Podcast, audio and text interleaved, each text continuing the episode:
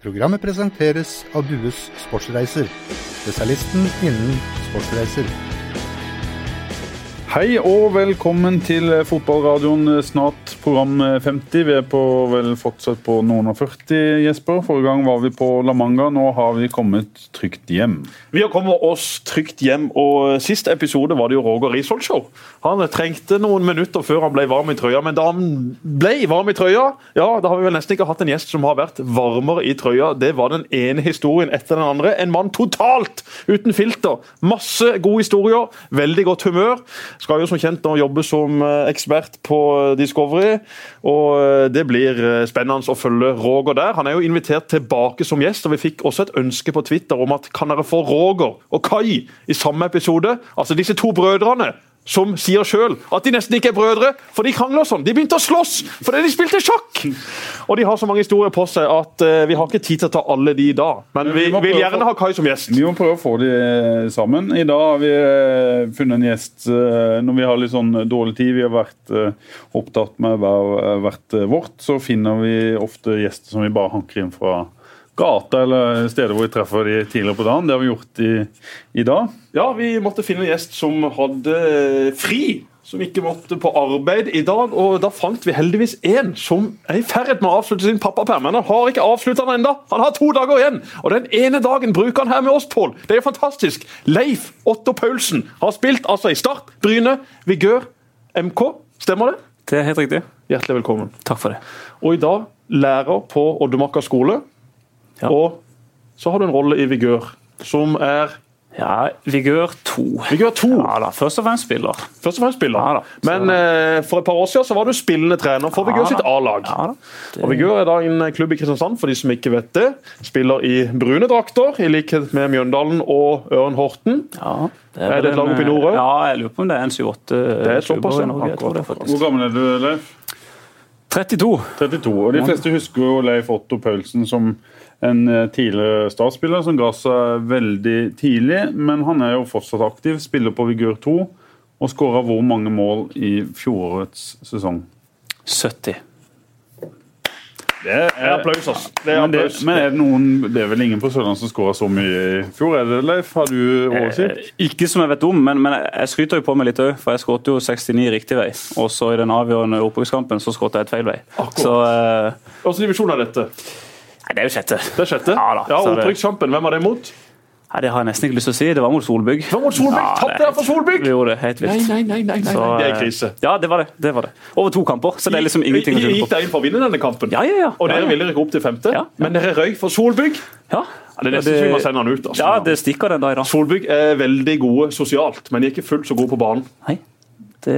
Espen Roland og disse, er det disse som er i Solbygg? Nei, nei, de er ikke der. De er ikke der. Det, jeg... det er Torbinvåg, de, kanskje? Ja, det er... Mye gøye klubber. Ja. Men Hvor lenge var du i Start? Eh, seks sesonger. Ja. 04 kom jeg, og så var det til og med 09-sesongen. Litt sånn opp og ned-karriere? Ja, virkelig. Eh, hadde vel seks trenere på den tida. Bård Wiggen som henta meg, og så gikk det ei uke, så sto Tom Nordli der istedenfor. Så eh, ja, hadde en uh, ryggoperasjon inni der som var halvannet år ute. Og så ja, litt opp og ned. Spilte ganske mye i 2008, eh, når vi rykka opp eh, det året der. Men, eh, Men før du ble henta til Start, da skåret du også enormt med mål. Da får Vigør i tredjedivisjon. Jo da, det, ja var nok en Det var jo ekstremt målfarlig midtbanespiller. Ja, ja, jeg vil si den mest målfarlige midtbanespilleren vi noensinne har hatt i dette oi, studio. Oi, oi, og også den mest intelligente. For Leif Otto Paulsen har vi hatt altså over 40 gjester, men han er den første som klarte på første forsøk å ta på seg dette headsetet riktig vei. Og det vitner om en godt utdanna og en veldig smart fyr. Som eh, bestemte seg tidlig for å ikke satse alle kort på fotballen, eller? Uh, ja, var nokså lei etter uh, 09-sesongen. Da gikk jeg på lån ut til Bryne. Uh, hadde det sikkert greit der, men, men var, Sikkert greit? Sikkert greit. Nei, altså det var jo ja, Det var fint. Det var, det var Mons Ivar Mjelde som var der, så, så, jeg trivdes godt der. Men, men, samtidig var jeg såpass lei av fotball at jeg fant ut at det kom et liv etter fotballen. Så da fant jeg ut at studier var, var det riktige. kunne fortsatt noen steder, men, men, men i dag er jeg jo glad for det valget. Mm. For nå ja, har jeg jobba tre år på Ålmarka og trives Men det skjedde noe med deg eh, når du fikk den eh, ryggskaden? Det skjedde noe ja, med deg som fotballspiller? Ja, det, det? ja, ja, klart det. Begynte du å gå på tæra? Eh, ja. Jo, jo, jo, det er helt riktig. Eh, jeg går sikkert rart en dag i dag for det, og løper, eh, for det har vent meg til en spesiell eh, Det var vel for at det ikke skulle gjøre så vondt. Så, eh, Du slet jo voldsomt med denne ryggen. ja, ja, Det var jo ja, ja. sånn at du nesten ikke kunne gå til tider. Eh, Ja, i hvert fall etter La Manga, der, hvor, eh, hvor en ble pressa gjennom treninger uansett eh, om jeg ikke kunne løpe. Så det var jo nokså drøyt en periode. Og så Etter operasjonen så var jeg vel så forsiktig som et menneske kan være. Gikk, ganger, gikk tur tre ganger fem minutter om dagen, spiste middag på knærne og ja, gjorde alt, gjorde alt da, så i tolv uker.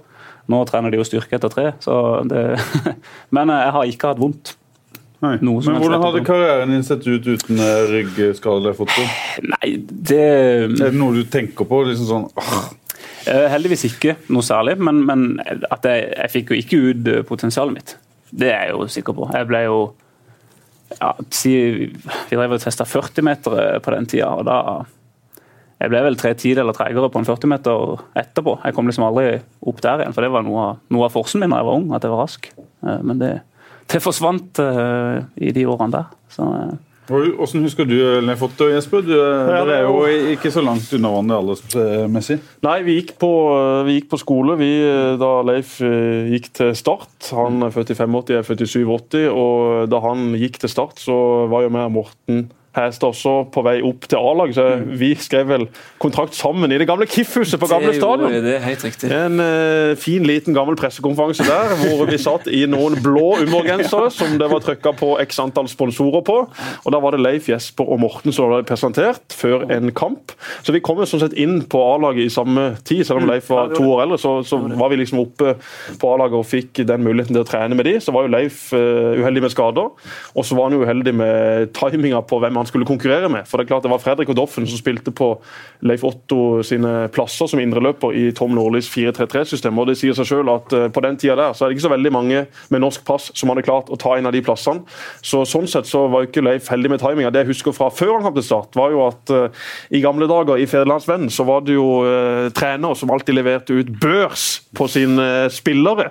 Og da hadde jo vi papiraviser selvfølgelig hjemme, og da var det alltid ut på morgenen etter disse tredjedivisjonskampene, hvor vi sjøl spilte med Start 2 for å sjekke hvem hadde skåra og hvem hadde vært best. Og Der hadde Leif Otto Paulsen alltid skåra, og han hadde alltid to eller tre poeng. Og ble vel kåra til tredjedivisjonsspiller iallfall Ja, et par år hvert fall et Ja, i hvert fall et år. Ja, i hvert fall et par år. Men, men, men, men den må jeg jo slå et slag for, for det var jo gøy. Altså, Ikke sant? Det, det savna jeg jo. Ikke Altså, det, det engasjementet rundt lokalfotballen. Der ser Se til Rogaland, de er utrolig mye flinkere der. Nå Eh, snakker du om avisene, eller? Nei, nå snakker jeg generelt, generelt interesse. Det ser jeg når vi, når vi var i tredjedivisjon sjøl med Vigør. Når vi, ja, disse lokaloppgjørene mot Don, det var jo vi var jo kompiser, men, men, men de kampene der var det jo, var det jo god kog. Så du har kampfakta og børs og litt uh, stjerner? Ja, ja, jeg synes det var- sånn Det var jo Ja, strålende! ja, ja, det var, det var kjempegøy Tredjedivisjon for eh, Ja, ti ja. år siden, det var jo, Ja, ja. det var jo top notch! Ja, ja. Det var jo gøyere enn å følge med i Tippeligaen! Da noterer jeg det. Altså, Ja. Hvis Feven begynner å tjene godt med penger igjen, og vi kan begynne å ansette nye folk, så skal det Kan vi bruke overskuddet fra denne podkasten? Da kan vi ansette to-tre journalister bare på det. Får vi se da, Jesper. Nei, men er du enig, Pål? Altså, du har jo vært en forkjemper for lokalfotball. Det, og, bare, og det trenger ikke være en helt spillerbørs, men Nei, nei, nei. ja, tre, to, ett poeng, Ja. og så har man dette. Så er det jo treneren da som må gi børsen, ikke sant? Men, det- men det gjør jo ikke noe. Det gir jo folk blaffen i. Det er bare gøy. Ja, ja, det var, det, det var et eget engasjement rundt det der. Altså. Det, å, det var jo gøy å stå opp om morgenen, hente avisen i postkassa og, og se åssen det Men Hvordan opplever du lok lokalfotballen eh, nå, da? Um, største utfordringa er jo nesten altså I tredjedivisjon er det jo reiseavstander. Både avstander og kostnader for klubbene. Mm. det er- Alle klubber vil nok ikke være i den nye tredjedivisjonen heller. eh, for du Men er et eksempel på det? En familiemann Ja, ja, eh, ja, som, som var både trener og spiller i tredjedivisjon, og som, eh, som fikk nok, eller? Ja, det, det er jo ikke tvil om det. Eh, Det, det tærer eh, på mye. Eh, Ikke sant? Så sitter du der, eh, reiser klokka åtte lørdag morgen, og så kommer du hjem igjen klokka åtte, og så taper du Ikke sant? Så det, det, En brukte mye tid på det, i tillegg til at eh, alt foregår på kveldstid. Så, så, så det er klart at det er jo en utfordring. og sånn som vi har hatt i Vigør, så har vi ikke hatt spillere som har tjent penger. og da, Det er litt sånn begrensa hvilke krav du kan sette til dem. Så har de familie og, og barn. og da Da, da begrenser det litt seg sjøl. Ja, og Fjerdedivisjon er jo sånn sett kanskje blitt Ja, det ja. som var tredjedivisjon før i tida. Ja, helt For klart, klart. Da var den lengste borteturen for oss i Kristiansand til Lyngdal. Og det var én tur i året, og der var det alltid topp stemning. Og god stemning. Espen Heg- Hegeland skjelte ut den ene og den andre og takla deg i knehøyde. Det, det var gøy å reise bort dit. kua som rauta når du kom inn. Ikke sant? Var, Så, så, så, sånn som fjerdedivisjonen nå er bygd opp, så må man jo håpe etter hvert at det kan bli det samme engasjementet rundt det. Men det er jo først og fremst avhengig av folk rundt. At vi i fotballradioen er flinke til å prate om det, at vi kan få satt opp noen børser via Federlandsvennen osv. Og så må jo faktisk eh, vi ha noen profiler der. Vi må ha noen eh, unge, lovende spillere som faktisk får utfolde seg i fjerdedivisjon. For sånn var det jo da vi var der. Da var det eh, flust av gode fotballspillere. Nå jeg skal ikke si at alt var bedre før, men nivået på det tradisjonen som var da, det var faktisk veldig mye gode fotballspillere der, som også har vist seg i etterkant at kom seg oppover i systemet og fikk sjansen i mye større klubber. Så det var rett og slett en strålende tid. Og Espen Hægeland fra Lyngdal, som må ha spilt altså i Bryne MK, han har både du og meg hatt mange fighter med. Han er jo nå begynt med triatlon der borte. Fortell litt om fightene og kampene i Lyngdal. Jo, det, vi har jo til og med vært lagkamerater. Uh, vi spilte? Nei, i MK. Ja. Ja da. ja da. Så uh, vi fighta sikkert for trening òg, men, uh, men det er klart når han spilte spilt mot han, det vi er litt, litt like på mange måter. Uh, Det, de, for de på jobben som, som ikke kjenner meg fra fotballen, de skjønner jo ikke helt at, at jeg har to sider. eh, At jeg er en person på banen og en, en utenfor banen. Eh, Så Men jeg kunne være sånn drittslenger à la Jesper, eller er på en litt mindre nesten. skala? Ja, ja, vi, vi fyrte jo opp hverandre, vi. Så det, sånn er det jo. Det, det tenkte jeg på faktisk når jeg så det her med mm, Tor Håvåsen. Da var det, et det var I lokalsporten var det et bilde at jeg sto og brølte opp i, opp i ansiktet på han. Ja. Uh, og den fikk jeg jo kjørt meg for. Men, men, men det, er jo, altså, det er jo spill for galleriet. Eh, fordi uh, det, var, det var siste Start 2-kampen før ei frihelg. Altså Det var landskamphelg. Og da hadde jo jeg peila meg inn altså Da skulle jeg ha frihelg. Jeg hadde, skulle til en kompis, Kristoffer Stien, som bodde i Bø i Telemark. Hadde bestilt togbilletter og alt. Det eneste som mangla, var jo et gult kort. Eh, Men eh, Fikk du det? Eh, ja, til slutt. Ja. Men greia var jo altså Tor Hoversen, han smilte. Jeg takla, han smilte. Og, og, tida gikk jo. Og jeg, måtte, jeg skulle jo ha det til gule kortet, og det ble jo han samme typen. Jeg takla han på min side. takla jo han hver gang. Og til slutt så endte det opp med at mens han lå nede, så blåste jeg ballen i ryggen på han. Og da hadde ikke Tor noe valg, da fikk jeg gult kort. Men så fant jeg jeg må jo Jeg kan, jeg kan ikke smile. Altså, jeg, jeg, så da måtte jeg liksom late som jeg var sinna. Så det bildet er egentlig spill... Dommer er det gult kort for- Ja, ja, ja, sikkert mer sånn, sånn Ja, at jeg later som jeg var fryktelig frustrert. Selv om jeg ikke var det. Tapte jo sikkert kampen òg, men Tor Håvåsen kunne jo bare gått bort til Tor. Jeg har avtalt med en kompis i helga, kan du gi meg det gule etter 70 minutter? Ja, Yeah, Helt topp, Leif. Det fikser vi. du til Bø Telemark, festa på kroa sikkert? sannsynligvis. Ja, ja det, vi var nok innom det òg. Ja, har det- sant? ja. det har jeg. Ja. Det, Men eh, du har hatt såpass mange trenere, Leif. Eh, Hvis du skal trekke fram en av de som eh, har vært inspirasjon for deg, for du har sjøl vært trener og har Ja. kanskje en eh, trener i magen, som det heter? Ja, jo, det er veldig rart. Eh, altså, ulike trenere har jo bety altså, hatt sin påvirkning eh, på godt og vondt. Eh, en av de som jeg føler jeg lærte mest av, var faktisk eh, Morten Rønningen. Eh, som var assistenttrener under Arne Sandstø. Så er det jo gjerne sånn i Odd. ja, eh, så er det jo gjerne sånn at eh, når du spiller, så, så funker ting gjerne bedre. Men, men, men han, var, han var flink på, på de små detaljene, som, som jeg på en måte ikke hadde vært så obs på tidligere. Eh, Småting, alt fra hvordan man flytter beina i press og ja, små detaljer. Så han følte jeg egentlig ja, Han har sikkert fått for lite skryt. Eh, Det var en, en dyktig mann, eh, både når det kom til video og, og på feltet. Ja, han er vel eh, ansett som en veldig dyktig fagmann. Ja, ja, veldig. Han er vel, om ikke han er assistent i Odd, så er han, iallfall han er jo med i teamanalyseteamet rundt A-laget og har vel fokus kanskje på de unge spillerne i og rundt avstand. Så en fantastisk mann. Kul! Kul! Ja, ja, fantastisk. Fantastisk kul! Arne Sandstø, han er en legende. Blir ikke kalt kul? Hva sa du? Blir ikke Morten Rønning kalt kul, eller? Gjør han det? Er det kula?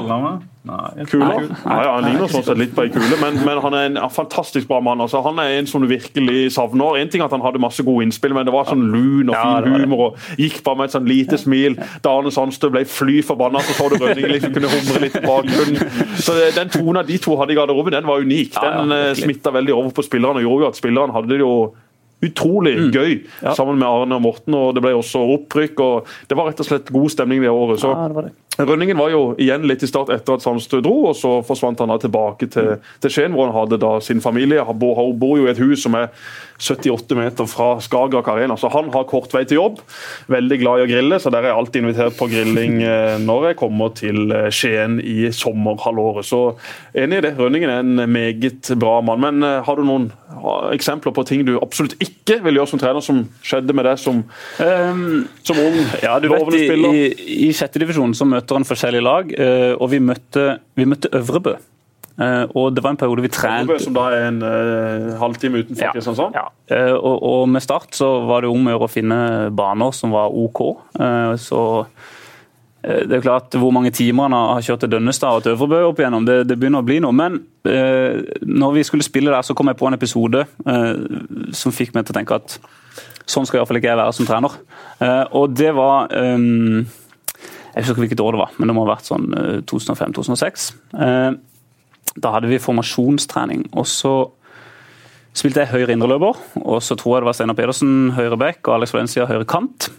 Så fikk eh, Alex Valencia ballen, gikk inn i banen. Så gikk jeg som indreløper på overlapp. Og da ble, blåste Tom i fløyta og skjelte meg ut, og folk lo av meg nesten fordi at hallo, er du høyt? altså en indreløper kan ikke gå på overlapp til en kant.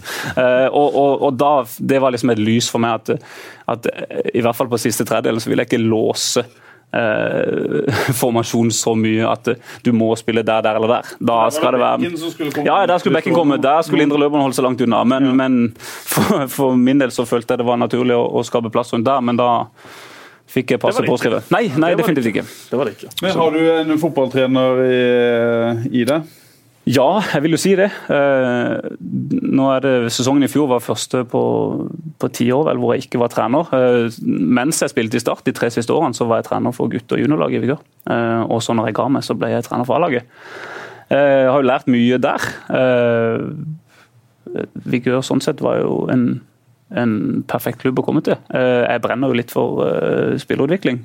og der har det blitt gjort og gjøres utrolig mye bra. Eh, som Men er det litt sånn eh, eh Hva skal jeg si eh, Måten Vigør gjør ting på, eh, og antall talenter en får frem, er jo enestående på, på Sørlandet. Men eh, får de ikke noe anseelse for det? Ser ikke andre folk hva vi gjør, driver med?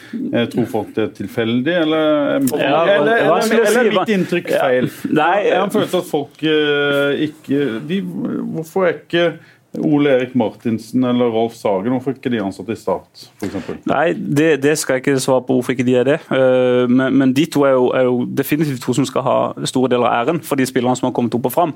Eh, så dedikerte som de er eh. Altså, de lagene der trener på julaften, for å si det sånn. Med, så det er ikke noe å tenke på. Men, men en av mine kjepphester er jo det i forhold til når du skal ha unge spillere, som mener at du trenger etablerte spillere rundt dem. Og det er noe, sånn, sånn, kom jeg opp. Når jeg kom opp som ung spiller, så var vi, altså Førsteelveren vår besto av fem-seks etablerte, fem-seks unggutter. Hvor de etablerte ikke hadde noen ambisjoner sjøl, men ambisjonen var å, å, skyve oss opp og fram. Og sånn på samme måte... Er det, er det vigørkulturen som du opplever det, eller? Ja, sånn var det da. Og, og det videreførte vi, når vi, altså med Stian Jørstad Nilsen, når vi overtok Vigør. Så var det en av våre tanker. Vi skal ha en, en stamme med etablerte gutter, uh, menn som, uh, som, ikke har noen ambisjoner for egen karriere. Jeg skal ikke opp og tjene noen tusenlapper i andredivisjon. Vi skal være her, uh, ha det gøy, trykke til enhver til stede, og samtidig hjelpe de unge spillerne opp og fram. Altså, si, en, si en Jesper Daland som gikk til Stabæk, da, som har hatt, uh, spilt stopper ved siden av Ruben Kleiven. jeg mener det er helt gull. Da, altså, Ruben vil Jespers beste, og bare øser av sin kunnskap. Sin, uh, sin... Du har vel hatt dine kamper med Tobias Christensen, som nå er Ja da, det var jo, det var jo en kamp her når, når, han var 14, både han og Jesper. De, de var 14 begge de, og jeg var 29, så jeg var jo eldre enn de to til sammen. Så det har jo vært litt uh, måten vi har gjort det på i Vigør. Vi har, vi har sluppet de opp og fram. Uh, selv om det kanskje har gått på bekostning av av en topp tre-plassering, så har vi blitt uh, nummer fire-fem. Men, men, det er på en måte sånn vi har tenkt. Uh, så, og vi har jo, Med flere unge spillere så har, vi, så har vi på en måte bare akseptert at det kommer til å svinge. Uh, jeg kan ha tatt den til side og si nå starter du, og du starter de fem neste kampene. du trenger ikke å, altså Om du gjør det dårlig da, spiller ikke noen rolle. Du spiller de fire neste òg. for å gi dem den tryggheten. du sier jo ikke det til ti stykker men, men, du sier det til, til en eller to, kanskje. Eh, så tenker vi at det er en måte å, å få de trygge på. Og mange spillere tror jeg hvis du bare mm, slipper dem, så, så, er det mange som tar nivået steg for steg. Jeg, jeg, jeg mener jo en, en Thomas Sernikov som trente med Start for tre år siden. Jeg mener han var klar da. Uh, for han var den typen som nesten tilpassa seg nivået han spilte på. Eh, så det er jo en det blir spennende å følge framover. Jeg er jo en fan av Tobias, jeg har ikke lagt uh, skjul på det. I mine øyne kanskje det største i hvert fall balltalentet Start noen uh, gang har hatt. Til og med større enn Mathias Rasmussen, mener jeg. da. Men hva er det som er spesielt med Tobias i, i dine øyne? Uh, han er så uredd. Uh, altså det, uansett hva han møter, så er det bare å, å, å kjøre på. Han utfordrer, og, og, han har jo ekstreme ferdigheter. Ikke at han er sterk eller rask, men, men, men med ball, altså. Uh, å bli spilt opp feilvendt, det er bare rett ut med armen, beskytte ballen. Flink til å slippe, utrolig flink til å gjøre utslaget når han dribler. Eh, så er klart utfordringa blir mer, eh, mer effektiv. Han har jo potensial til å være involvert i mål, eh, målgivende. Men, men, men, det er jo en spiller som uansett når jeg kom på trening med Vigør, så var jo han på banen og trente. Han var vel ti år når han var med oss for gøy på sommeren med A-laget. Skjønte du, han en sånn type spiller som du skjønte tidlig at skal litt til og ikke komme ja, noen vei i ja, norsk så, fotball? Du, ja, ja, det er klart du så at det var noe spesielt med han. Eh, og Det er klart når, det er sikkert ikke alle som hadde sluppet til to 14-åringer fra start i samme, samme tredjevisjonskamp, men, men, men eh, mange vokser veldig på oppgaven. Eh, og er du tøff nok i huet, så, så kan du ta de stegene. og det men gjør vi gjør noe, noe, annet enn noen andre i barnefotballen f.eks.? Frem til de på en måte og, og leker seg med de voksne?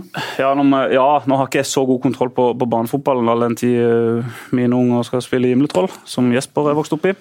Det kommer uh, fint. Men, men ja, det gjør det nok. Der skal det toppes lag framover. Det trenger man ikke være for. Det skal være topping fra de er fem, seks og syv. Ja, nei, men, men, det jeg tror, altså type hospitering og differensiering er jo noe Vigør er dyktig på. Ehm, ikke vært redde for å melde lag på i høyere årsklasser. Det gjorde vi sjøl òg. Min far, som var treneren min, eh, meldte oss tidlig opp eh, for at vi skulle For vi vant mye, så var det for at vi skulle få litt juling òg. Mm. Eh, og det har han utrolig godt av.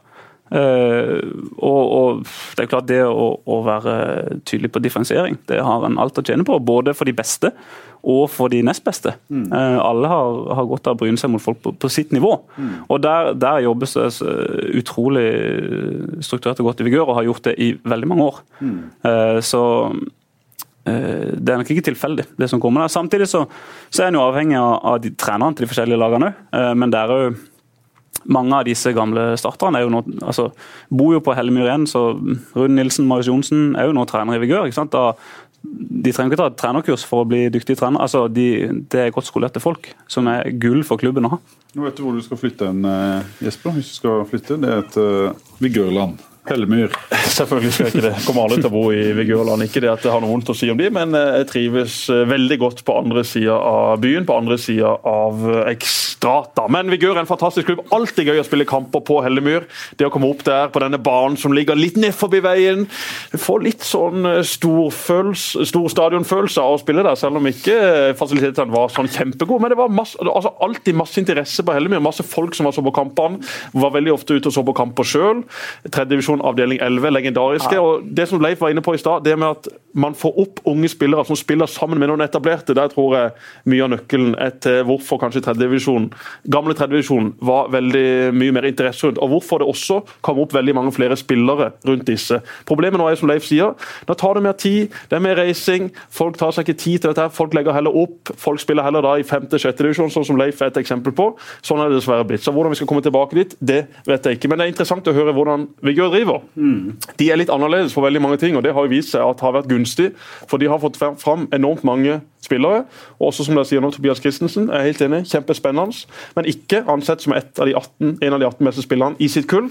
Og da er han ikke i nærheten av å være det balltalentet du snakker om, i mine øyne. For, Nei, men Da mener jeg at Norges Fotballforbund tar helt uh, feil. Da. Ja, og det er greit, men, men jeg mener, hvis du, hvis du er så god så er du uansett i en 18-mannstropp på det kullet. For disse her har hatt han inne. Ikke hvis du har Erland Johnsen som trener for det kullet i Norge. Da mener jeg at uh, da hjelper ingenting. Han som spiller 4-4-2, kvalifiserer Norge til mesterskap. Han driter i, i uh, talenter. Mener jeg. Ja, Det er jeg helt uenig i. NFF driter ikke i talenter. Hvis det er spillere der som er top notch som er, ja, ja, jeg er helt enig, Men, men hvis, det, at, hvis det er spillere der som er blant de aller aller beste i sin klasse, ja, så er de selvfølgelig med uansett. Tobias har en spillestil. Ja, det må tilpasses en rolle til han. Det samme blir i start i år. 4-4-2. Hvor skal han kunne spille? Skal han spille kant? Er han god nok begge veier der? Skal han spille spiss? Han er kanskje aller best som en tilbaketrukken spiss. Vil. Steinar Og jeg mener ikke at han skal gå rett inn på noe startlag. Det er ikke det jeg mener. Jeg ser jo selvfølgelig at han har mye å jobbe med, men jeg mener samtidig at i Start har vært altfor redde for å legge til rette for sånne typer. Nå skal jeg heller ikke sammenligne ham med Martin Ødegaard, men se hva David Nilsen gjorde med Strømsgodset for å få David, nei, Martin Ødegaard inn på laget. Legge opp spillestilen etter et talent utenom det vanlige. Jeg mener at uh, Tobias er en sånn type spiller som Start må legge til rette for, men det betyr ikke at jeg mener han skal inn på laget nå. Men de må, Nei, de er må Han skal få masse spilletid. og Jeg er normalt sett eh, har de siste årene vært kritisk og ikke hatt noe som helst tro på veldig mange av de ungguttene som har kommet opp og fram. Men Tobias er en av de jeg har troa på, fordi at han har hodet. Han er som Leif sier, han er uredd. Han går ut og sier ja, men gi meg til helvete den ballen! Kom og takle meg, jeg skal takle deg tilbake, din forbanna idiot. Altså, Han har det hodet. Han er uredd, han har ikke respekt for de som er 2, 3, 4, 5, 6, 28. Gi nå blaffen i de! Han skal opp og fram, han. Og Det kan godt være at det er noen av de holdningene som Erland Johnsen og NFF ikke liker, men jeg mener, vi må samtidig ikke legge altfor stort trøkk på han. For hvis han hadde vært ei superstjerne, ja, så hadde han i alle fall vært tatt ut i en landslagstopp for sine aldersbestemte landslag nå. Når de nettopp har hatt han inne på samling og sett hva han faktisk har å bidra med. Programmet presenteres av Dues Sportsreiser, spesialisten innen sportsreiser. Men Thomas Hernikov var det også innom. Han leverte altså en performance på La Manga på avslutningsmiddagen. Jeg var invitert der, selv om jeg nå ikke er en del av Start på papiret. Men jeg var invitert med der, og der må jo alle disse nye spillerne fremtre, eller opptre, heter det vel, med et eller annet. Og Thomas Ernikov, han leverte altså noe Det var så ut av en verden! Det var så bra! Var det dikt, eller var det Det var ikke dikt, og jeg kan ikke si hva det er ennå. Fordi at den samme performancen kommer til å komme på Starts kickoff om et par uker. Men etter da så skal vi fortelle vi være- alle lyttere. Da må vi være der med TV kamera. bør være der. Jim Rune Bjorvann må komme der med både lys og kamera, for det kommer til å koke på kick. Og jeg skal selvfølgelig være konferansier. en, en meget intelligent uh, mann, Thomas Hernikov. Veldig, veldig nøye. eh, Legger seg jo før Henrik Ropstad. Ja, det, ja? Ja, Han sier sånn at han legger seg veldig veldig tidlig, altså rundt nidraget. Står opp eh, før altså står opp før de fleste, og da har han, eh, når han har vært på skolen og når, han har tatt skole, tatt og gjort lekser og skolearbeid før han da går på trening. Så Thomas Hennikov ekstremt dedikert, og det ser du på fyren også. Mm. Godt trent. Litt eh, skada han iallfall vært nå etter at han, at han, Han har vært mye eh, skada før han kom til start. da. Men etter at han kom til Start, så har han trent bra og kommet inn i en, i en helt annen eh, treningshverdag. Så Hvilke forventninger har du til han, Leif, du som kjenner han litt bedre enn oss andre? Ja, Jeg har sett han lite i det siste. Eh, jeg- vil jo også si at han, altså hvis han skal spille 4-4-2, så passer han bedre sentralt enn som en kant. Mm. kanskje aller best som en innerløper. Men eh, så, så litt sånn samme utfordringer der som Tobias. Altså, Hva er den beste rollen for han? Eh, og selvfølgelig kan du Men er det flere på startlaget som har det? Vi diskuterte litt på La Manga diskuterte med, med flere om Start har et lag som er bedre i eh, en 4-3-3 med indreløp og, backer med Vikner og Ropstad som. Er de, eh, de, at de kanskje heller ikke er 4-4-2-spillere. At en heller kanskje ikke har eh, godt nok lag til, eller gode nok spiss til å spille med to spisser. Er det en diskusjon som eh, er relevant, Jesper? Ja, det syns jeg i høyeste grad Vi har vært inne på to navn nå. Thomas Ernikov og Tobias Christensen, som passer eh, fint som indreløper. Erlend Segberg, bedre 4-3-3 som en defensiv midtbanemann? Ja, det vil jeg absolutt si. Eh, Andreas Holdningen kan du gjerne ha opp i en indreløperposisjon. Og så eh, I'm Sandra, and I'm just the professional your small business was looking for. But you didn't hire me because you didn't use LinkedIn jobs. LinkedIn has professionals you can't find anywhere else, including those who aren't actively looking for a new job but might be open to the perfect role, like me. In a given month, over 70% of LinkedIn users don't visit other leading job sites. So if you're not looking on LinkedIn, you'll miss out on great candidates like Sandra. Start hiring professionals like a professional. Post your free job on linkedin.com/people slash people today. Espen Børresen som venstre Espen Børresen venstre kant, Dennis Hantvik kan spille høyre kant. Eh, eh, Lars Jørgen Salvesen kan spille spiss alene, han, selv om han kan bli eh, Han har vært litt enkel for eh, midtstopper å møte fram til nå, men han også har tatt steg i vinter. Trent masse styrke og blitt uh, sikkert uh, et par hundre gram tyngre. Så, så Salvesen kunne også løst det. Så det kan godt være at Steinar og Andreas Jensen legger om til 4-3-3 etter hvert, hvis de ser at ikke 4-4-2 fungerer. Men hadde de så stor suksess med det Jerv, og du ser tydelig at han prøver å spille på samme måte, men i mine øyne så mangler det noen spillertyper for å få den, øh, den, øh, den Jerv-oppskriften til å fungere. Først og fremst sentralt, eller? Ja, først og fremst sentralt på midten. Som jeg også synes etter kampen mot Levanger på Levanger, at du så klart og tydelig at eh, det mangler kreativitet og oppfinnsomhet fra den posisjonen på banen. Og Den er så ekstremt viktig. I 4-4-2 dytter opp bekkene, de skal høyt og bredt, kantene ligger ute. Da må det skje noe i midten av banen. Og da er du nødt til å ha spillere der som kan utføre det. Og Kristiansson og Fertongen var solide defensivt, og det vil være robust og det vil være fysisk. Men vi må da ha noen spillere som engasjerer, som skaper noe interesse og blest. Og der må vi jo ha inn en mann som Tobias Christensen, som eh, vi håper skal få godt med muligheter i starten av sesongen. Og så kan selvfølgelig han spille seg til en eh, plass i den startoppstillinga utover sesongen. Han vil vokse veldig på de oppgavene han kommer til å få. Og så er det også en spennende mann i Mikael Ugland, som var tatt ut i denne nevnte landslagstroppen. Så det er noen unge lovende på vei som jeg faktisk eh, har eh, tro på, i motsetning til hva jeg har hatt på veldig mange, ganger, eh, veldig mange andre. Og ikke for å skryte, men jeg pleier faktisk å treffe med, med, med de tingene. For jeg har snakka med de, har sett de spille og har spilt sammen med de. Ja, litt forsiktig med hypen òg, da. Ja, ja. Altså At ikke de er 2000-gutter. Ja, det, det tenker jeg det skal vi være forsiktige med. Vi skal ikke kreve spilletid for, for så unge spillere. Det skal, Ikke kreve, de- de det skal jeg love. sjansen, og det er jo gøy. Det er jo gledelig. Folk være redd for at vi, at vi hauser de opp. heller. Det, tenker jeg. Det, det må en tåle i lille Norge, må ikke det? Ja, det er en ting vi ikke skal være redd for i denne podkasten, så er det at vi skal hause, og vi skal heller ikke slakte. Vi pleier å ligge helt på det. Men, men, men sånn sett kan jo dette bli et eh, bedre år å slippe til. da.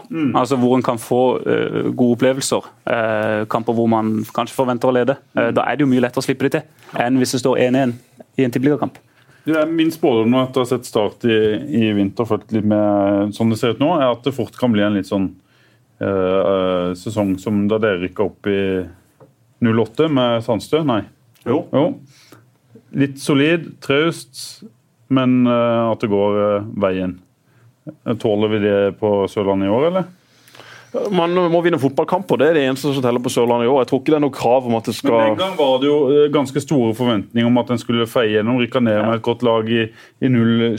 eh, Og Arne Sandstø kom og gjorde vel egentlig den oppgaven han var satt til, men allikevel så, eh, så gikk det på en måte en vei med start. Publikumstallene gikk ned jo lenger sesongen kom. En spilte kjedelig fotball. Er det fare for at det kan bli en sånn sesong igjen, eller er forventningene annerledes denne gangen? Jeg, jeg tipper forventningene var, var hakket større da. Eh, Nå var vi jo heldige denne sesongen og fikk eh, Erik Mykland eh, inn. Så det jo skapte jo en del blest. Mm. Det gjorde det. Men, men jeg ser jo den Og du bytta med han! Gjorde du ikke det? Nei, ikke det. Eh, Mot Sandnes Ulf? Nei da, Nei? nei, da skåret vårt første mål, til og med. Nei, Jo. mot Sandnes Ulf? Ja, ja, ja. Nei, det var jo jeg som skåret det første. Nei, nei, Skåret jeg det andre? Ja, ja, det, ja faktisk. Ja, ok, ok, okay. Du skåret på corner. Ja, jeg tror jeg du har ja. helt å surre Nei, nei, nei, nei, jeg, jeg starta den kampen. Hvem har bytta med? da? Bytta ikke du med Wyggen? Jeg synes jeg husker det bildet. nei, nei. nei ikke, ikke den kampen, iallfall. Nei, ok. Nei, det, og der har du en interessant ting. Hvilken er den eneste sesongen Espen Børresen ikke har spilt fast? Ja. 2008, Leif Otto Paulsen venstreving. Uten Ja. fart. Det, Jo, men det også har jeg også snakket litt om. Espen Børresen har historisk sett slitt litt mer i førstedivisjon enn han har gjort i toppdivisjonen. Fordi at i toppdivisjonen der får han mer rom. Der passer kanskje hans spillestil bedre. Nå kommer han til å møte mange lag som ligger lavt. Og Espen Børresen blir ekstremt viktig i år. Så bra ut på La Manga, skåret et flott mål. Men han er heller ikke den som skaper ubalanse ved hjelp av finterepertoar osv. Han skaper det med fart, han skaper det med trøkk. Så eh, Det er derfor jeg sier ja, vi må ha spillere som engasjerer. La oss for guds skyld håpe at Daniel Aase også får godt med spilletid på høyrekanten. Han hadde kanskje også passet, eller han hadde passa bedre i 4-3-3. Så nå har vi kommet opp med så mange spillere som passer i 4-3-3 at nå må Steinar få lagt om med en eneste gang. Men, Men det når det blir gjelder Espen Børresen, vi må bare ta Ja. på med han. Han skal forresten selge leilighet på Søm, så hvis noen er interessert i den, ta kontakt med Men han har jo endelig vært frisk, og ser jo Når du ser Espen Børresen, jeg så han jeg så på beina hans, han ser jo topptrent ut. Kanskje enda bedre trent ut enn han gjort de siste tre-fire åra. Espen Børvsen har sett veldig bra ut i hele vinter og får en ekstremt viktig rolle. Han passer uh, godt i Steinars måte å spille på. Han skal ha kanter som eh, jobber hardt begge veier, og Espen kommer til å ha bra med bevegelse rundt seg når Henrik Ropstad kommer opp på overlappen. Så hvis de to kan få samspillet sitt til å sitte, så blir Starts venstreside den klart farligste. Det er der det vil bli skapt ting fra. Det så du også i kampen mot Levanger. Men de også må bli satt opp. Det nytter ikke med Ropstad og Børrefsen, som er gode. Hvem skal sette de opp? Ja, der vil jeg ha en mann på sentralt midten som kan dra den pasninga fra motsatt side, eller som kan sende den stikkeren ut til de. Det nytter liksom ikke Eller drible en og skape overtall. for eksempel. Men du må, du må også kunne sette opp Ropstad og Børufsen. De er i solid venstreside, men vi må ha noen som skal sette de opp. Og eh, som du var inne på, denne sesongen, eh, Inntrykket etter La Manga er jo at Start er, eh, altså, det er solid, det er robust, men Jerv så vel så god ut der nede. Jeg syns de spiller en veldig flott fotball. Har typene til å spille Arne Sandstø sitt 4-3-3-system. Oser jo selvtillit, oser trygghet, oser humør. Men Start nesten ikke har vunnet en kamp på to år. Så det blir ekstremt viktig Og- og å få en bra start. Det gjorde kanskje du òg, Jesper, men jeg satt og så på Jerv-treningene på La Manga og sammenligna litt med hvordan de gjør i Start. selvfølgelig. Veldig forskjellige typer treninger. Litt sånn gå-fotball, mye formasjonstrening på der de terper bitte små detaljer på i Jervs formasjon. Mens Steinar vil ha mer på en måte frihet og, og de tinga som du kanskje er litt fan av. av Leif Otto, Men da må en vel ha en kreativitet i laget for å få det til å funke?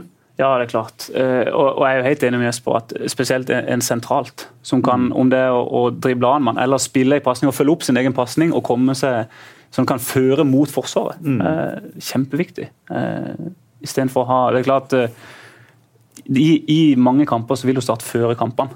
Og Da tenker jeg da kan du være en som har en, en, en tydelig rolle på å holde, og så må den andre være med og angripe. altså.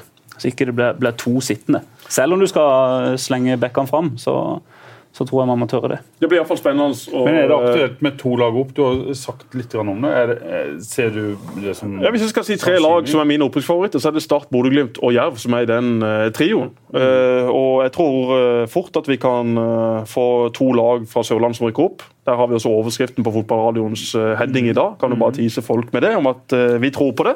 Og det syns jeg ikke er realistisk. Fredrikstad imponerte meg ikke. Masse nye spillere, masse gode navn. Men jeg kunne ikke se at eh, de hadde utvikla seg så veldig i riktig retning i løpet av vinteren. Sandnes Ulf blir spennende å se nå mot eh, Start. Eh, Kanskje noen hører etter den kampen er spilt, men jeg syns heller ikke Sandnes Ulf eh, var imponerende på La Manga.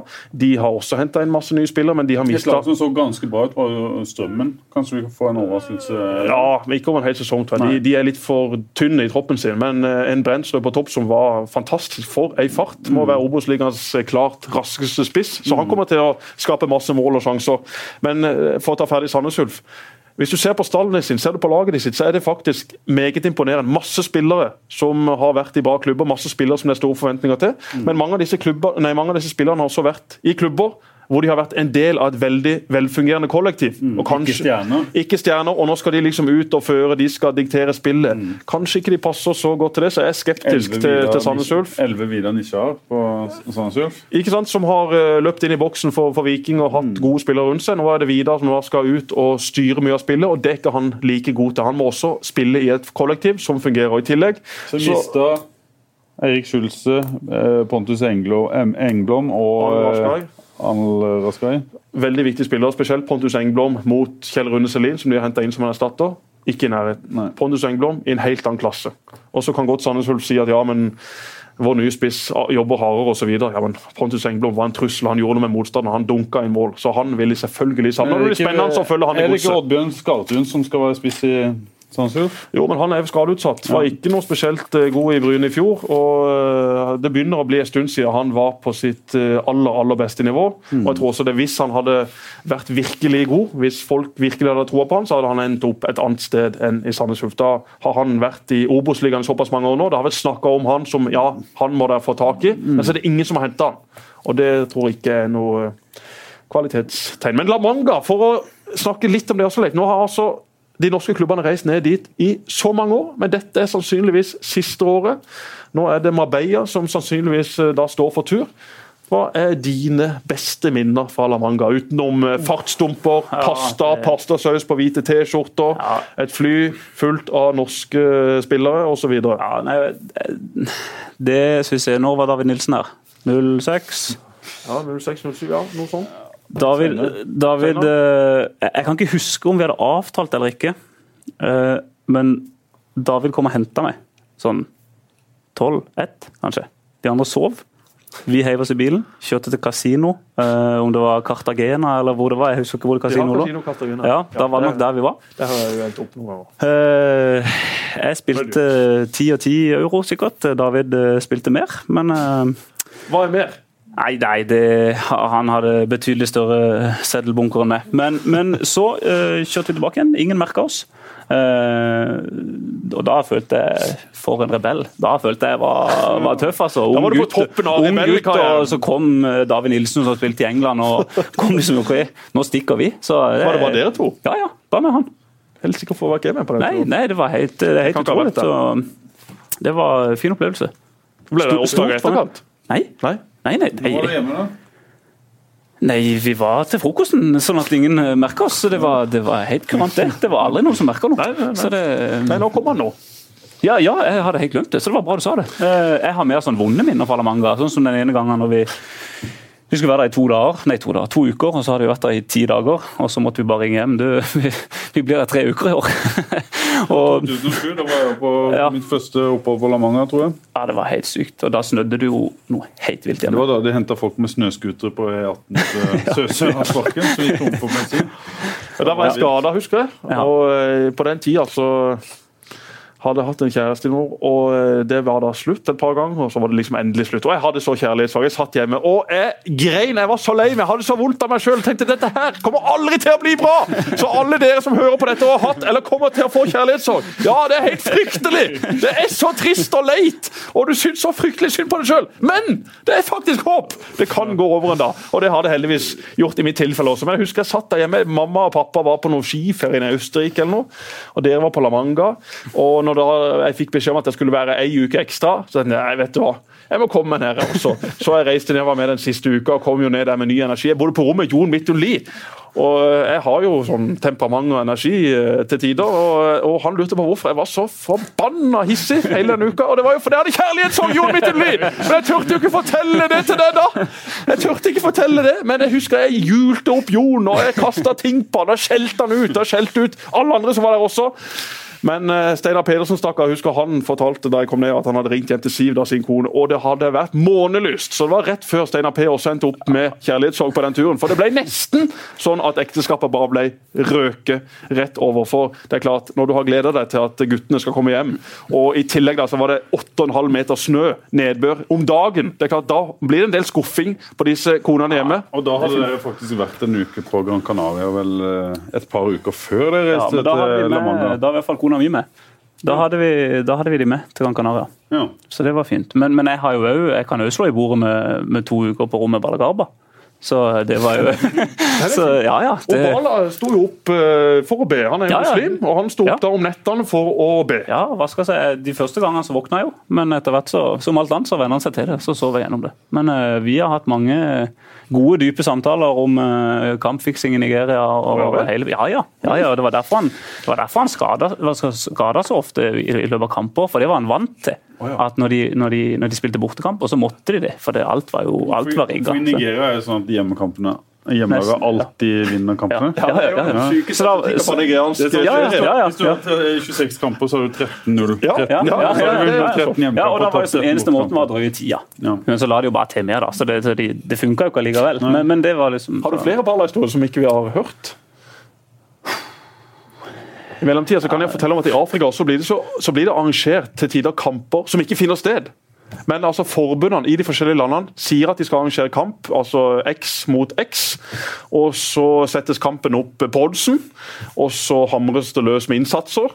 Og så settes liksom kampen i gang. Og så er det da en som sitter liksom og skal rapportere om dette, og så blir det 1-0, 2-0, 3-0. Og så kampen slutt. Og så har kampen aldri funnet sted! Det er bare en spøkelseskamp som folk skal tjene penger på. Oi, oi. Og jeg satt uh, siste uke så en kamp som var fiksa fra Sverige. Fikk uh, tips fra en svensk uh, kamerat som sa at følg med på denne kampen her nå. Nå er oddsen snudd totalt på hodet. De gikk fra å være store underdogs til å være kjempestore favoritter.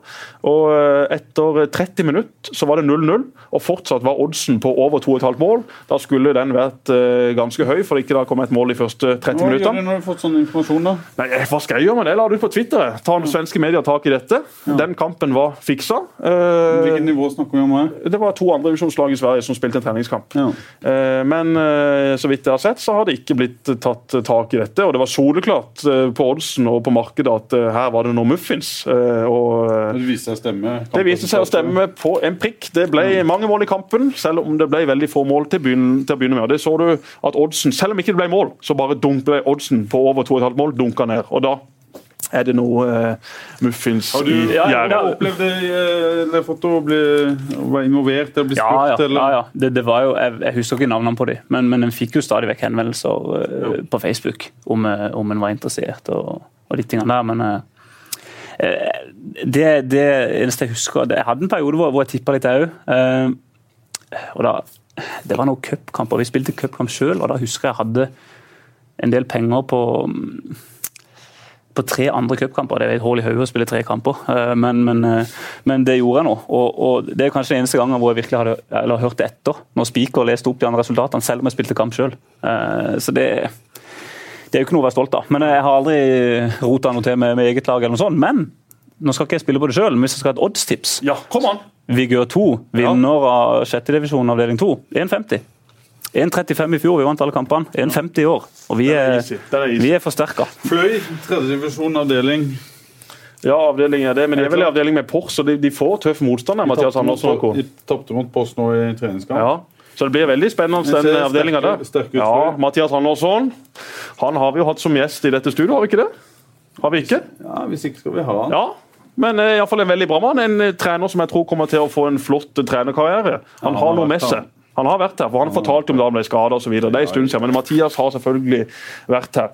Du, er det en ting vi må snakke om før Ja, vi gir oss? Det nærmer oss eh, slutten. Vi satt jo og så på Barcelona i går, uh, Lefoto. Eh, fantastisk fotballkamp. Ja, er Hva syns du, Jesper? Nei, altså jeg satt noen på SAS SK247 fra Oslo til eh, Kristiansand. og Den skulle etter planen lande halv ni, sånn at jeg akkurat kom hjem i sofaen til Champions League-start. Og Vi var nesten landa på Kjevik, og så kommer kapteinen og sier at nei, det er noen problemer med noe eh, landingsutstyr eller et eller annet på Kjevik, så vi må returnere til Gardermoen. Og vi eh, føyk tilbake til Gardermoen og landa vel der sånn i 22.50-draget, for vi måtte sirkle over Gardermoen også, for det var litt tåke der, så det var noen sånne såkalte slått-tider de måtte lande på. Så da jeg landa, så tok jeg opp mobilen og så jo da at det var blitt skåra syv mål og 6-1 i Barcelona. og Jeg hadde ikke fått med meg et eneste sekund, for jeg satt da i lufta. og Folk spurte om kunne ikke se det på Viaplay. Nei, det er ikke så veldig mye internett oppe i lufta på SAS sine flyvninger, dessverre. Det har Norwegian. Det bør SAS også få seg med en eneste gang. Og så må vi også kjapt innom ski-VM! For det var Men vi, ski-VM. må si, vi som så den kampen, må si litt om han. Det var Ja, helt vanvittig. Ja, nå, skal var? ikke, nå skal jo ikke jeg skryte på meg at jeg så han heller, eh, for jeg prioriterte selvfølgelig Fantasy og Ja, ja. Du eh, City Stoke. Aguero, trippel, Aguero trippelkaptein og alt mulig. Så, Det ikke. eh, Det ble ikke- 0-0. Ikke i det hele tatt. Så, det, Da må Pål du må fortelle oss om Jeg denne så den faktisk ikke jeg heller. Jeg gjorde det. Fantastisk kamp. Noe av det sykeste jeg noen gang har sett. Til og med min fru, som er ikke er fotballinteressert, satte seg ned da to minutter i sofaen og så avslutninga av denne utrolige kampen. altså. Det var Det vanvittig. Når det kommer, De må ha tre mål, og du går inn i det 89. minutt, og de tre målene faktisk kommer, så, så er det ikke annet enn sinnssykt. Ja. Men jeg skal si deg en ting, Pål. At eh, jeg var i Oslo i går. Jeg kan ikke si hva jeg gjorde i Oslo enda, men jeg gjorde noe som er mye mer sinnssykt enn at Barcelona skulle vinne 6-1. Så kanskje i neste podkast kan jeg fortelle hva det var. Men eh, Du snart må liksom tenke igjennom det og vurdere om det Nei, altså, vi, vi- spilte, Dette var i regi av TV 2, da, så vi spilte inn eh, noe. Og eh, Hvis dette kommer på norske TV-skjermer, hvis det kommer gjennom sensuren, så blir det snakka om, og det kommer til å bli veldig eh, bra, i mine øyne. Har det med Nakenhet å gjøre? Nei, det har ikke med nakenhet å gjøre. Det har med død å gjøre. Ja. Men eh, det gikk fint. Alle overlevde, altså. Men eh, det har med død å gjøre. Det er alt jeg kan si nå. ja. Men det var enda mer sinnssykt, og det skal vi fortelle mer om siden. Men ski-VM også. Ja. Jeg er jo aktiv på Twitter, altså, som da er et sosialt medie for de som ikke er der. Blitt skiekspert.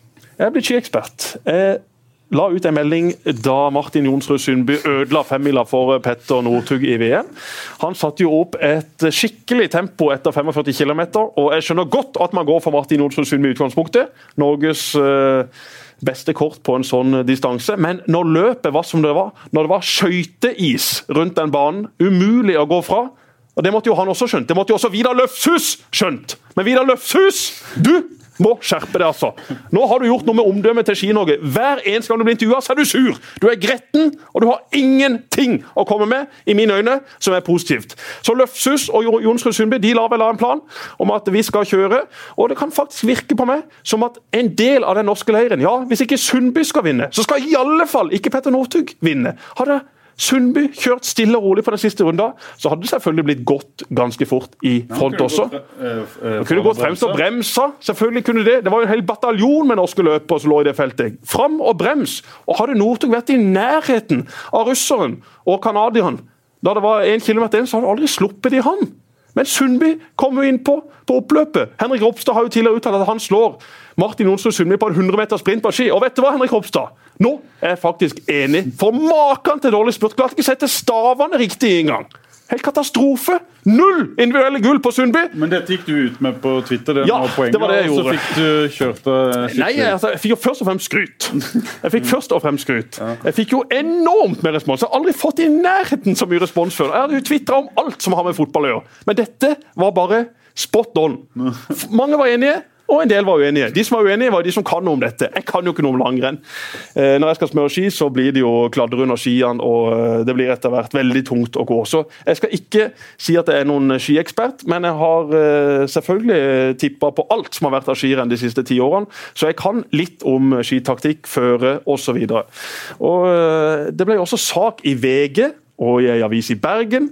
I Bergensavisa så sto det faktisk 'ekspert'. Slakter skitaktikk. Det viste seg at det var Fredrik Aukland, NRKs skiekspert, som var litt kritisk til dette, men det var mine sitater de hadde bygga overskriften på. Så det ble altså brukt ekspert om meg på noe som hadde med ski å gjøre. Det er jo totalt misvisende, totalt feil, men det klikka sikkert godt, og det er jo det som teller for nettaviser i dag. Og i tillegg så fikk jeg en melding Jeg, trenger, jeg kan jo kanskje lese den, her, så jeg kan finne den fram. for. Nei, nei, nei, jeg skal ikke det. Eh, det var jo en som het Per.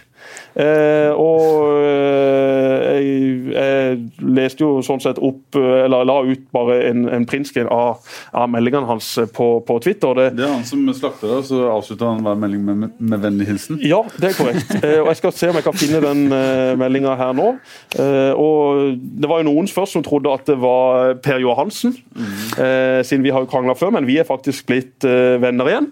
Eh, og Han er jo nå blitt assistenttrener på, på landslaget, så, så det var jo sånn sett greit, i og med at jeg skal jobbe med de, Men eh, det kommer altså et uh, raserianfall på SMS fra min gode venn Per. Du må jo være den største tullkugen som finnes, skriver det med G. Hvorfor skulle Martin gå for Petter på ei femmil når det er snakk om individuelle oppgjør? Like dum uttalelse som du er å spille. Ler meg i hjel av deg. Med vennlig hilsen Per. Så svarte jeg bare med eh, sånn eh, latter-smiley og en, og en sånn applaus-smiley. Og så kom det bare kort og greit fra Per. Ikke noe med vennlig hilsen denne gangen. Du er et jævla null! Så eh, Per var litt hissig på meg der, og det kom flere sånne meldinger fra folk som lurte på hvorfor i all verden jeg skulle ut og snakke om skier. Men jeg kan vel engasjere meg i hva som helst? Det kan vel alle? Hvis noen mener om fotball eller eh, valg i USA, eller om det er ski ja, jeg kan vi få lov å si akkurat hva jeg vil. Jeg har aldri påberopt meg og sagt at jeg kan noe som helst om langrenn, men jeg så det på TV, og i mine øyne så kunne faktisk Northug hatt en sjanse på den femmila. Det hadde ikke Martin Jonsrud Sundby når det var gått 45 km, og det var 5 km igjen! Er du skiinteressert, Leif? Ikke på Jespers nivå, men uh, for meg som har pappaperm, så var jo ski-VM uh, midt i blinken. Så jeg har solo fulgt med, og, og, og støtter definitivt Jesper eh, i denne saken her. Og det gjør jo Fryktelig avgjørelse. For en eller annen merkelig grunn så er det sånn at hele Norge elsker Petter Northug, men veldig få elsker Martin Johnsen Sundby, som er en fantastisk skiløper, som har vært verdens beste skiløper i verdenscupen i Tour de Ski de siste årene. Men uh, det er liksom litt, sånn litt rivaleri mellom disse, og jeg tror jo null på at disse to er gode lagkamerater. Vi må slutte å snakke om lagtaktikk i langrenn, for det er ikke sånn det funker. Det er veldig inn å si at ja, i dag kjørte vi bra taktisk osv., men det som ble prestert der Kjetil Rekdal har sagt at det var coaching i verdensklasse da han gjorde noen bra grep fra trenerbenken i fotball, men dette var jo fryktelig langt under coaching i verdensklasse. Skulle bare gitt beskjed! Gå fram! Brems! Petter er på jobb! Han skal vinne dette. Vila, jeg tror vi lar det bli siste ord. Ja, for jeg må hjem og fylle ut noe eh, skjema til Nav. Jeg har jo også eh, fått innvilga pappaperm. Og jeg skulle utsette den til etter fotballsesongen, for da har jo jeg litt uh, muligheter til å ta denne pappapermen. Og Jeg fylte ut dette her skjemaet på Nav, og det var vel egentlig 1. januar jeg skulle ha et pappaperm. Og, og fylte ut ja, jeg vil gjerne utsette pappapermen som går fra 1. januar til 10. mars, for det var vel da de ukene jeg hadde fått. Og så viste det seg at da hadde jeg bare utsatt pappapermen fra 1. januar til 10. mars.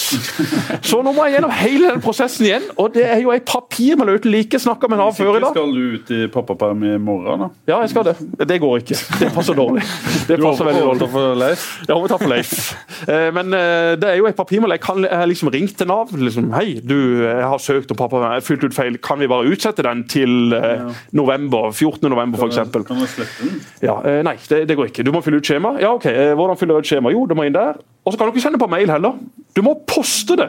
20 kroner i frimerke! Pluss en konvolutt! Og så må du poste ting i postkassa. Jeg, altså, jeg har kontor i byen her. Det er ni meter unna Nav, men jeg må sendes til Oslo først. For der skal det skannes, og så skal det tilbake til Kristiansand. Det er altså så natta. Det er så natta! Men pappaperm skal det bli. Og du skal ha barnebursdag i dag, Pål. 20 gutter. 20 gutter. Hvordan skal det gå? Nei, det går fint. Nå har Gjør det det? quiz til de, ja. Har du det hjemme? Ja. Ok. ja. Det er veldig, veldig viktig som foreldre å ha liksom kontroll på vennekretsen til Ja. sine egne barn. Det har jeg lært meg. Jeg, jeg setter det- veldig pris på alle de som har barnebursdager hjemme. Ja. For jeg er ofte nede ned på det er. Ja, det er kanon. Jeg er ofte ned på Lund her eh, i Kristiansand og, og spiller enten snooker, eller har de fått en nå et fantastisk spennende pinballspill som en kompis er nede og spiller. Koster 20 kroner på letten. Ja, det er litt dyrt, men eh, innimellom så er det veldig morsomt. Det som irriterer meg, er at de har barnebursdager på samme sted. Så da vi, godt, ja, da vi er godt i gang med å spille, enten det er snuk ikke sant? Det skal være litt sånn rolig og ja, snakke og en god prek, så kommer det da en 30 unger med ballonger og brus og pizzastykker og smågodt. De er jo fulle av energi. Hvor hadde du dine barnebursdager? Jeg hadde det hjemme, for vi hadde en fotballbane rett der forbi, så da var jeg selvfølgelig ned og spille fotball. Det var jo 17. mars. Jeg blir snart 30, Pål. 17. mars. Steike. Vi må ha feiring den 17. mars neste, i fotballradioen. Da skal vi ha kake. Da skal vi ha kake. Ja. Nei, Nå ble det mye sur på slutten, her, men jeg traff også Tom Jarle Thomassen i Egersberg her om dagen. faktisk. Skulle hilse til deg, Leif. Ja, det er hyggelig. Og det, han er jo litt bekymra for meg.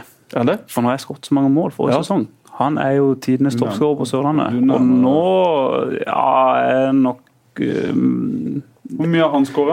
Nei, er det 380 han sier. Mens, Og du? Ja, nærmere nok Jeg har nok ikke fullt 250, men jeg nærmer meg det. Eh, Jeg teller selvfølgelig med sjette divisjon òg.